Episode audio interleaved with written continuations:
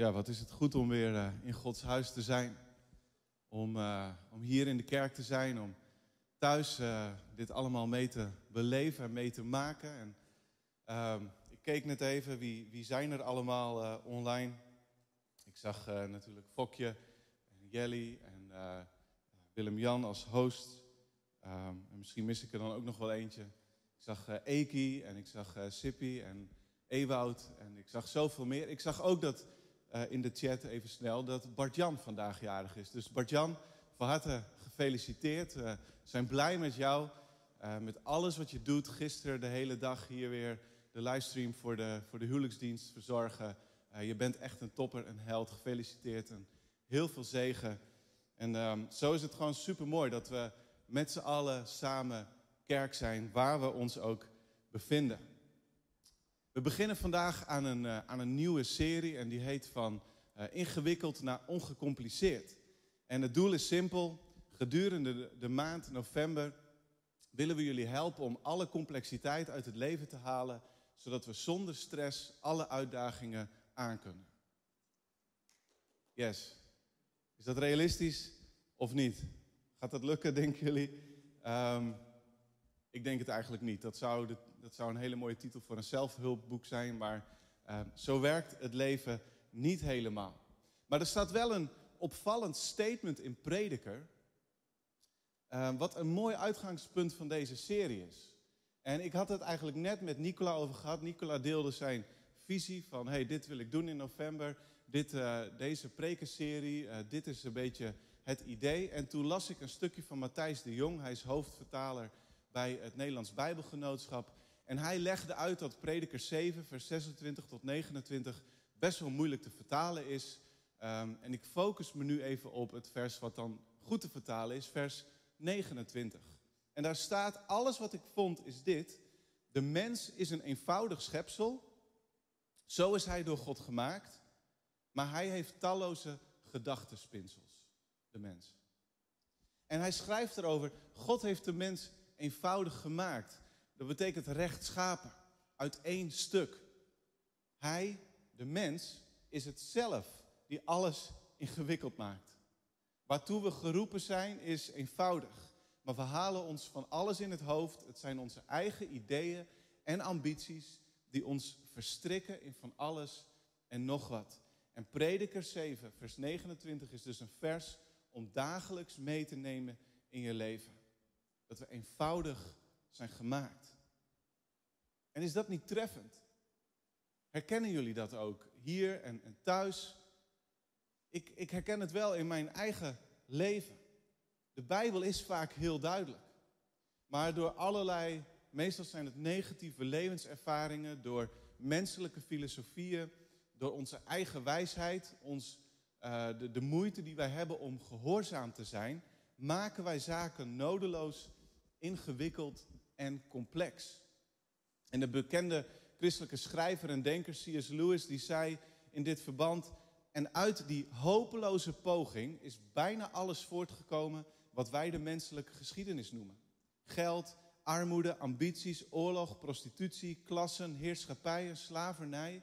Het is het lange en tragische verhaal van de mensheid die op zoek is naar iets anders dan God om zichzelf gelukkig te maken.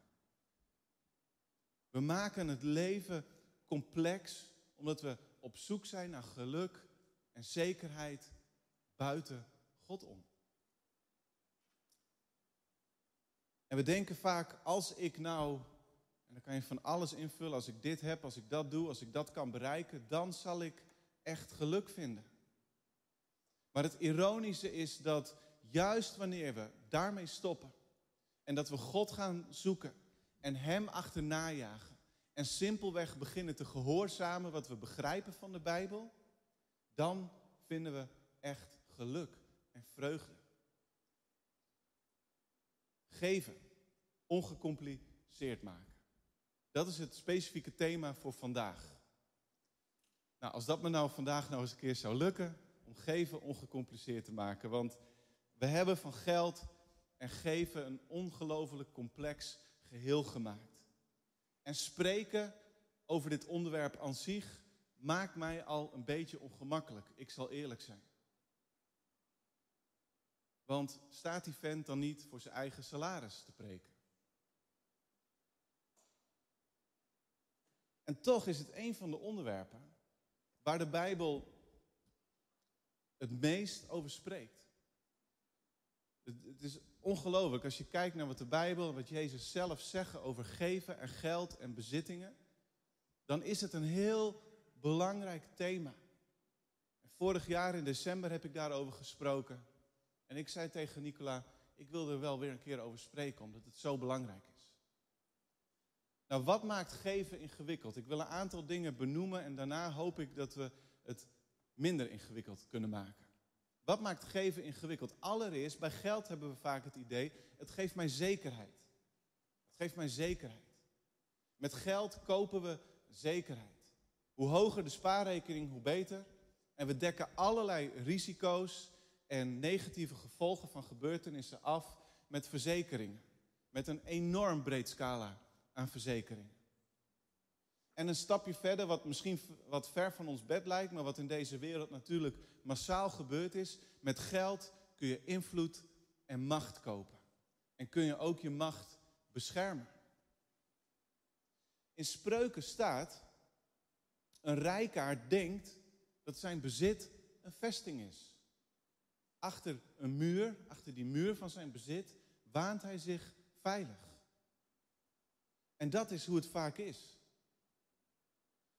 En laat ik wel heel duidelijk zijn. De Bijbel is niet tegen planning, is niet tegen sparen. Sterker nog, er wordt gezegd, kijk naar de mier, luiaard, leg een voorraad aan. De mier legt een voorraad aan in de zomer, zodat hij in de winter te eten heeft. De Bijbel is ook niet tegen verantwoord met je geld omgaan. En zorgen, ervoor zorgen dat je niet bij iedere tegenslag zult omvallen. Maar wanneer we ons zekerheid en vertrouwen stellen in geld, bezittingen, verzekeringen, dan gaat het mis. Denk aan die woorden van Paulus die zegt in 1 Timotheus 6, draag de rijken van deze wereld op niet hoogmoedig te zijn en hun hoop niet in zoiets onzekers te stellen als rijkdom, maar op God, die ons rijkelijk van alles voorziet om ervan te genieten. Ten tweede, wat het complex maakt, is geld geeft ons eigenwaarde. Geld geeft eigenwaarde. Jezus die zegt in Lucas 12, pas op, hoed je voor iedere vorm van hebzucht, want iemands leven hangt niet af van zijn bezittingen. Zelfs niet wanneer hij die in overvloed heeft. En ons leven in de zin van ook eigenwaarde en identiteit hangt niet af als het goed is van wat we hebben. En toch gaan we soms wel door, zo door het leven. Met geld en bezittingen kopen we een stukje status waar we onze eigen waarde aan verbinden en uithalen. Stel jezelf eens de vraag: als ik alles wat ik heb in één dag zou verliezen, wat zou er dan van mijn eigen waarde overblijven? Zit je eigen waarde in je geld of haal je je eigen waarde uit hoe God naar je kijkt, wat Hij over je zegt, hoe Hij je wil gebruiken. En het derde wat geld complex maakt is, we denken vaak, het is mijn geld. Het is mijn geld. Als we kijken naar ons salaris, ons loon, dan denken we, dit is mijn zuurverdiende geld. Ik heb er hard voor gestudeerd, ik heb er hard voor geleerd, ik heb er hard voor gewerkt, ik heb er recht op. Dit is mijn geld en ik besteed het aan wat ik wil. En het is niet altijd zo zwart-wit hoe het in ons werkt, maar dit is wel hoe we stiekem soms met geld omgaan. Hoe ik zelf met geld ben omgegaan en er zelf nog wel eens over denk. Terwijl ik probeer me juist iedere keer weer te realiseren dat alleen al de gelegenheden die ik in dit land krijg om te leren, studeren en werken voor een salaris wat maandelijks wordt overgemaakt, dat geeft mij al een voorsprong op miljarden mensen van deze wereld. Miljarden. En dan de intellectuele vermogens. Sommigen twijfelen daar misschien soms aan. Maar dan de intellectuele vermogens die God mij heeft gegeven om te studeren en om te werken. die heb ik niet verdiend. Daar heb ik niet voor gewerkt. En natuurlijk, ik werk hard voor mijn salaris. Ik, ik, ik doe er alles voor om mij te verbeteren, om me in te zetten in mijn werk. Maar het is niet een verdienste of waar ik recht voor heb. Er zijn mensen die werken 80 uur per week op deze wereld om te overleven. Ik heb er geen recht op. En het is niet mijn geld. En ik zal straks vertellen waarom. Maar eerst maar even uit de praktijk van de kerk toen die net begon. Er staat in Handelingen 4, vers 32, de groep mensen die het geloof had aanvaard, leefde eendrachtig samen. Geen van hen beschouwde zijn bezittingen als zijn persoonlijk eigendom, want ze hadden alles gemeenschappelijk. Geen van hen beschouwde zijn bezittingen als persoonlijk eigendom. Hoe zou de wereld eruit zien als we zo konden leven? Mijn huis is jouw huis. Mijn maaltijd is jouw maaltijd. Mijn auto is jouw auto. Mijn financiële middelen zijn jouw financiële middelen. En weer even de nuance.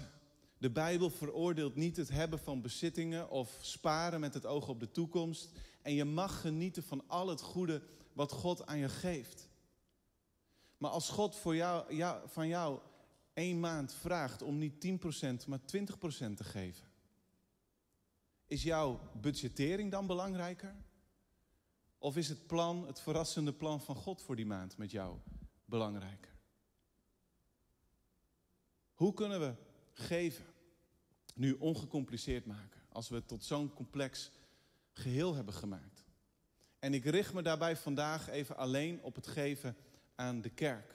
Daarmee zeg ik niet dat dat het enige is waar je aan kan geven. Maar ik geloof sterk in de financiële verantwoordelijkheid die wij allemaal dragen voor de kerk waar we, waar we deel van uitmaken. En ik geloof ook dat, dat via de kerk juist het geld ten goede komt aan heel veel mensen buiten onze kerkmuren. Vrijgevigheid als een manier waarop God wil dat wij leven en waar ook zegen op rust, dat is de belangrijkste reden om het vandaag over geld te hebben. Maar ik wil ook gewoon even eerlijk en open zijn. In mijn achterhoofd speelt ook mee dat we natuurlijk, net als zoveel mensen en kerken en bedrijven, merken dat corona impact heeft op onze inkomsten. En dat is echt een gebedspunt. En natuurlijk gaan we daar ook wel meer over delen. Maar het is een gebedspunt. En we hebben het nodig dat we allemaal ook onze financiële verantwoordelijkheid gaan nemen. Nou, waar geef ik aan? Als ik aan de kerk geef. Ik wil het zo simpel mogelijk maken. Waar geef ik aan? Allereerst geef je aan de God van de kerk. Je geeft aan de God van de kerk door, door te geven, zeg je eigenlijk: alles wat ik heb is van u. David zegt zo mooi in 1 Kronieken 29: U Heer bent groot en machtig, vol luister, roem en majesteit.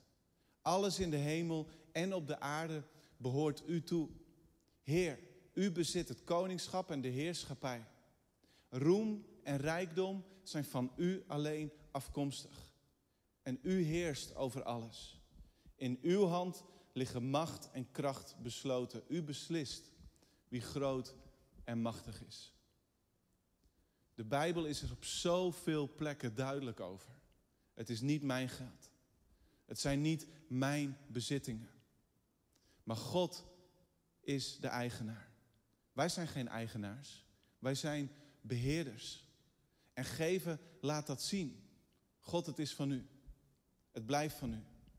En daarom gaf het volk Israël ook haar tiende, omdat dat deel het geheel vertegenwoordigde.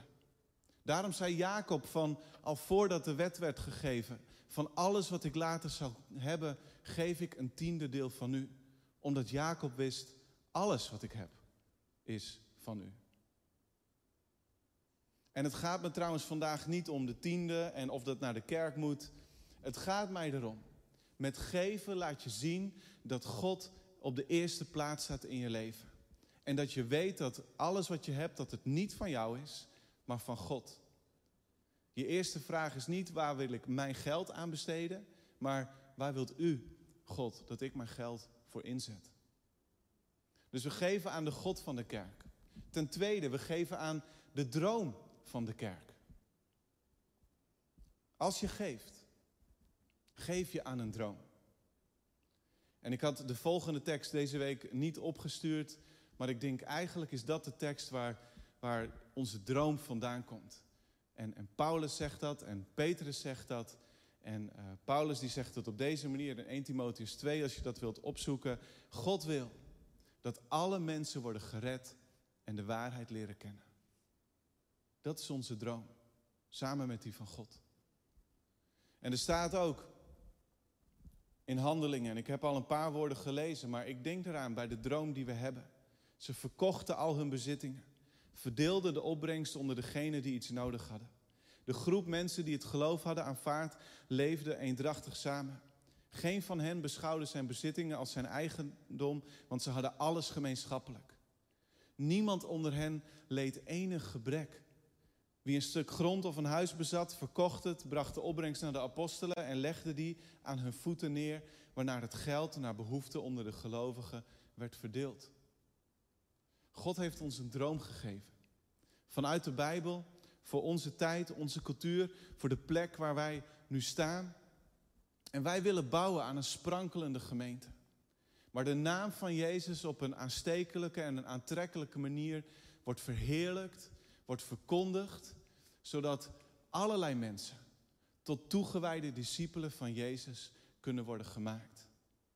Wij verlangen naar een kerk die volloopt met mensen die op zoek zijn naar aanvaarding, vergeving en hoop.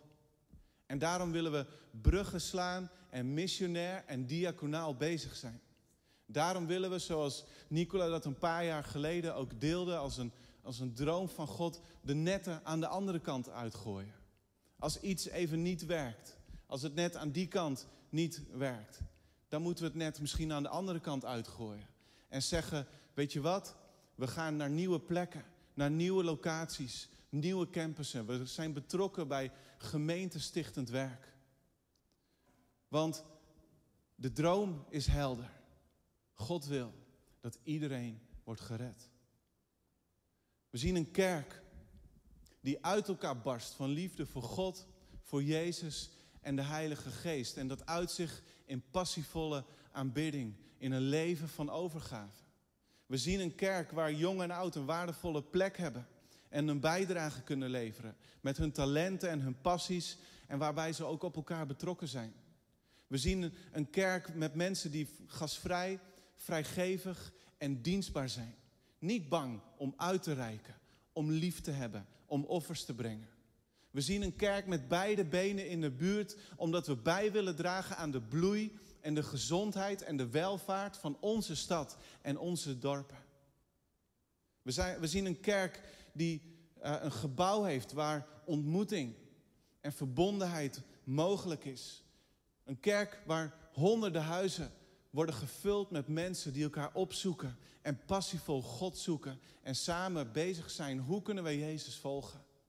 Wat moeten we afleren? Wat moeten we aanleren? God heeft ons als gemeente geroepen in een unieke tijd, op een unieke plek, in een unieke cultuur en met een unieke droom. Waar we met z'n allen in alle opzichten de schouders onder mogen zetten. En deze droom wordt realiteit. Als we onder andere ons geld, maar ook onze talenten, onze tijd, onze liefde neerleggen. En het verdelen daar waar het nodig is. We geven aan de missie van de kerk. Als je een droom hebt, dan moet je er ook over nadenken. Hoe kunnen we die droom werkelijkheid maken? Welke processen moeten we hebben om te zien wat, wat we voor ogen hebben? En we hebben een hele duidelijke missie. We willen mensen binnenbrengen in verbondenheid. Opbouwen in geestelijke volwassenheid. Toerusten in de vorming van hun bediening. We willen ze uitzenden om, om Jezus' naam te verkondigen. En in alles wat we doen willen we God verheerlijken. En daarvoor is het nodig dat onze taakgroepen een budget hebben. Dat we ze een budget kunnen geven, zodat ze kunnen investeren in de nieuwe generaties, in verbondenheid, in goede, mooie diensten, in een veilig, warm gebouw, in missionair en diaconaal werk, in goed onderwijs, in sterke zorg, enzovoort, enzovoort. We geven aan de missie. En dat is zo belangrijk. En ik zal je zeggen, het maakt zo gelukkig om daaraan te geven, omdat je investeert in dat wat eeuwigheidswaarde geeft. Alles vergaat, zegt Jezus. Alles vergaat. Verzamel geen schatten op aarde. Maar je kan ook investeren in schatten in de hemel. Je kan investeren in het bereiken van mensen. In het hen helpen geestelijk te groeien. In het groeien in een karakter van Jezus. En dat is allemaal voor de eeuwigheid. Paulus citeert Jezus met de volgende woorden. Hij zegt, in alles heb ik u getoond dat u de zwakken zo door hard te werken moet steunen. Indachtig de woorden van de Heer Jezus, die immers gezegd heeft, geven maakt gelukkiger dan ontvangen. Geven aan de missie maakt zo ontzettend blij. En als laatste, we geven aan de ondersteuning van de kerk. En daarmee denk ik aan het gebouw, de faciliteiten, betaalde krachten. We kunnen niet een kerk zijn zonder gebouw. En uh, als ik kijk naar mezelf en uh, Eva, dan hebben we altijd van harte gegeven aan een renovatie of meegedaan aan, aan acties. Om, omdat we dat niet zien als investeren in stenen. Laat staan in overdreven wilde of luxe in dit gebouw. Nee, de hele renovatie was eigenlijk functioneel gericht. Hoe kunnen we dit gebouw toekomstbestendig maken? Hoe kan het een plek zijn waar we samenkomen op een veilige manier? De plafonds kwamen hier en daar naar beneden. Hoe kunnen we mensen bereiken in dit gebouw en hen dienen? En onze kinderen en jeugd ontvangen en een mooie plek geven? gebouw is zo belangrijk. Faciliteiten. Denk aan simpele zaken als, als schoonmaak. Of aan ehm, koffie en thee. hey, wie kan een kerk bouwen zonder koffie? Denk aan veiligheid, aan, allerlei ondersteunende zaken die nodig zijn. En het is ook mooi dat er een aantal mensen vrijgezet kan worden om zich volledig in te zetten voor de kerk. En met dat te zeggen begeef ik me natuurlijk op, op glad ijs. Maar de Bijbel zegt er eigenlijk best wel veel over. 1 Corinthians 9 is een hoofdstuk wat er heel veel op gericht is. Hoe zit het nou met de beloning en ondersteuning van mensen die zich inzetten in en door de gemeente? En ik wil lezen uit 1 Timotheus 5, waar staat: oudsten die leiding geven moeten dubbel worden beloond. Vooral degenen die zich veel moeite geven voor de prediking en het onderricht. De schrift zegt immers: u mag een dorsend rund niet melkorven, en de arbeider is zijn loon waard.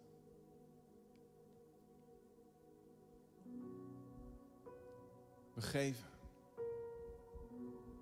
En ik gun het iedereen om de vreugde te ervaren van vrijgevigheid. Geven is niet zo heel complex als we bedenken dat we toch al niet de eigenaars zijn, maar dat we de beheerders zijn. En een goed beheerder investeert in Gods verlangen. Dat iedereen wordt bereikt. En Gods plan daarvoor is allereerst de kerk. En ja, er zijn absoluut fantastische organisaties en stichtingen om aan te geven. En dat doen wij ook. Maar ons eerste deel gaat naar de kerk. Omdat ik daarmee geef aan de God van de kerk. Die toch al de eigenaar is omdat ik daarmee investeer in de droom van de kerk. In de missie van de kerk. En in de noodzakelijke ondersteuning van de kerk. Wil heel graag met jullie bidden. Lieve Vader, dank u wel voor alles wat u ons geeft. U bent de eigenaar, u bent de schepper. Heer, en alles op deze wereld is van u en blijft van u. En we danken u wel dat u ook zoveel van ons daar rijkelijk van hebt gegeven. Heer, ik dank u wel dat u voor ons zorgt. En ik dank u wel dat u het ons toevertrouwt om alle gaven die we van u krijgen, om die op een goede manier in te zetten. Om te dienen. Om mee te werken aan zaken die eeuwigheidswaarde hebben. Heer, ik dank u wel voor onze gemeente. En ik realiseer me maar al te goed, Heer, dat we niet volmaakt en perfect zijn. Maar we zijn uw kerk. We zijn uw volk. We zijn uw gezin. We zijn uw leger. We zijn uw lichaam. En ik dank u wel dat u ons wilt gebruiken.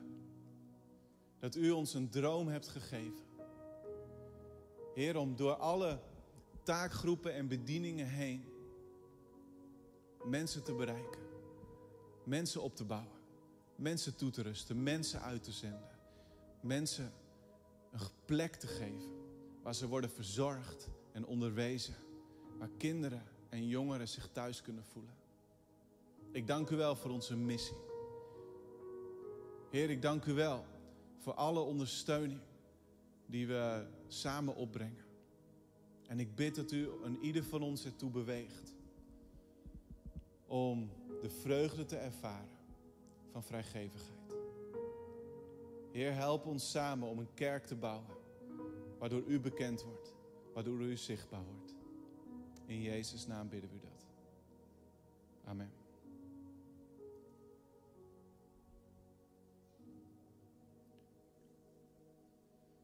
We gaan uh, samen het avondmaal vieren. En um, ik vertelde vanochtend al aan, uh, aan de teams, als we hier zitten om de dienst door te nemen en te bidden, dat ik uh, toevallig in mijn leesplan om in een jaar de Bijbel door te gaan, aankwam bij de hoofdstukken die gaan over de laatste plagen en dan de uittocht van Israël uit Egypte. Het is mooi hoe God soms werkt en dingen bij elkaar brengt. Eigenlijk gebeurde dat de hele week al. Ook als het gaat om de, om de trouwdienst gisteren. Maar goed, ik wil niet te veel daarover uitweiden. Maar, maar God leidt onze levens. En God is zo trouw en God wil spreken en dat is zo mooi. En vanochtend las ik over die uittocht en het herinnerde mij eraan wat Pesach en waar de Pesach-maaltijd voor staat, wat dat betekent. Pesach betekent voorbijgaan. En dat is dat is zo indrukwekkend.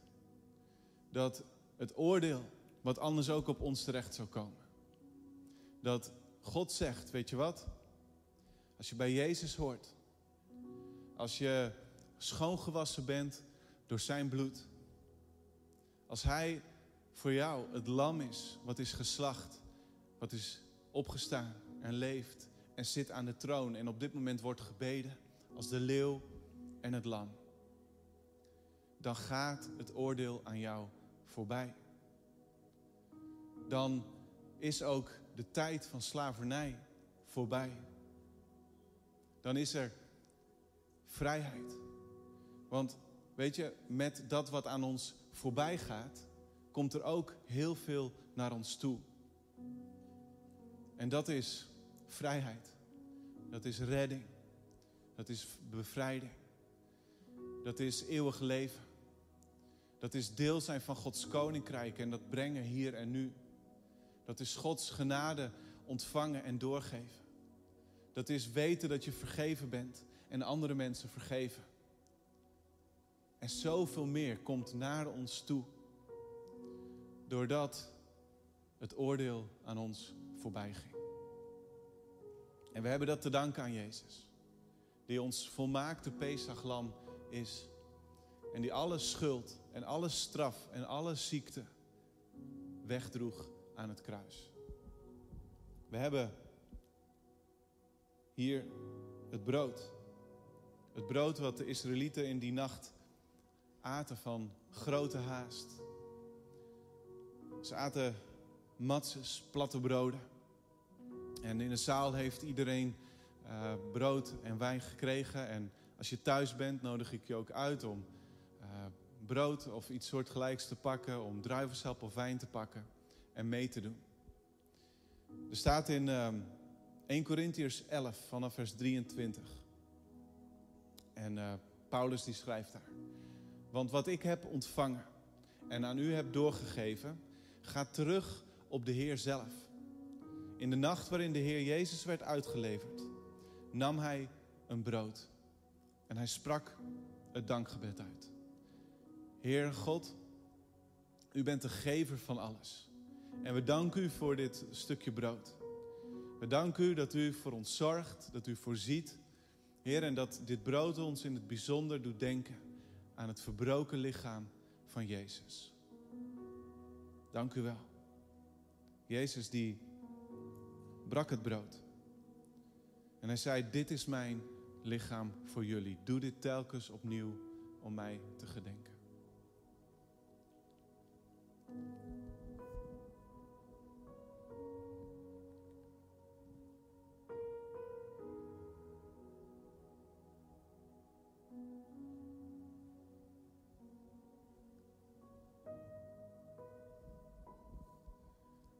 En Jezus nam na de maaltijd ook de beker.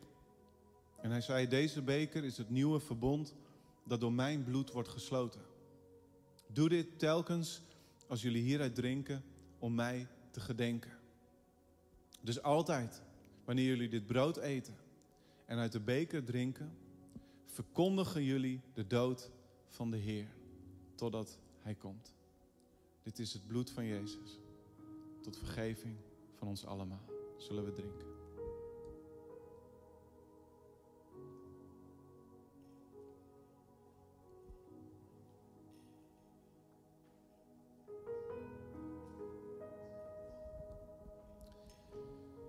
Jezus, ik dank u wel dat we zo samen verbonden met elkaar in dit gebouw en in vele huizen het avondmaal mochten vieren. We danken u voor de redding. We danken u voor de vrijheid die u voor ons hebt gekocht en betaald met uw eigen bloed. En we willen u eren in de volgende liederen. We willen u prijzen en beseffen hoe groot, hoe liefdevol u bent. En u bent hier. U bent bij ons thuis. En mogen we dat op dit moment ook ontvangen en ervaren in Jezus' naam. Amen.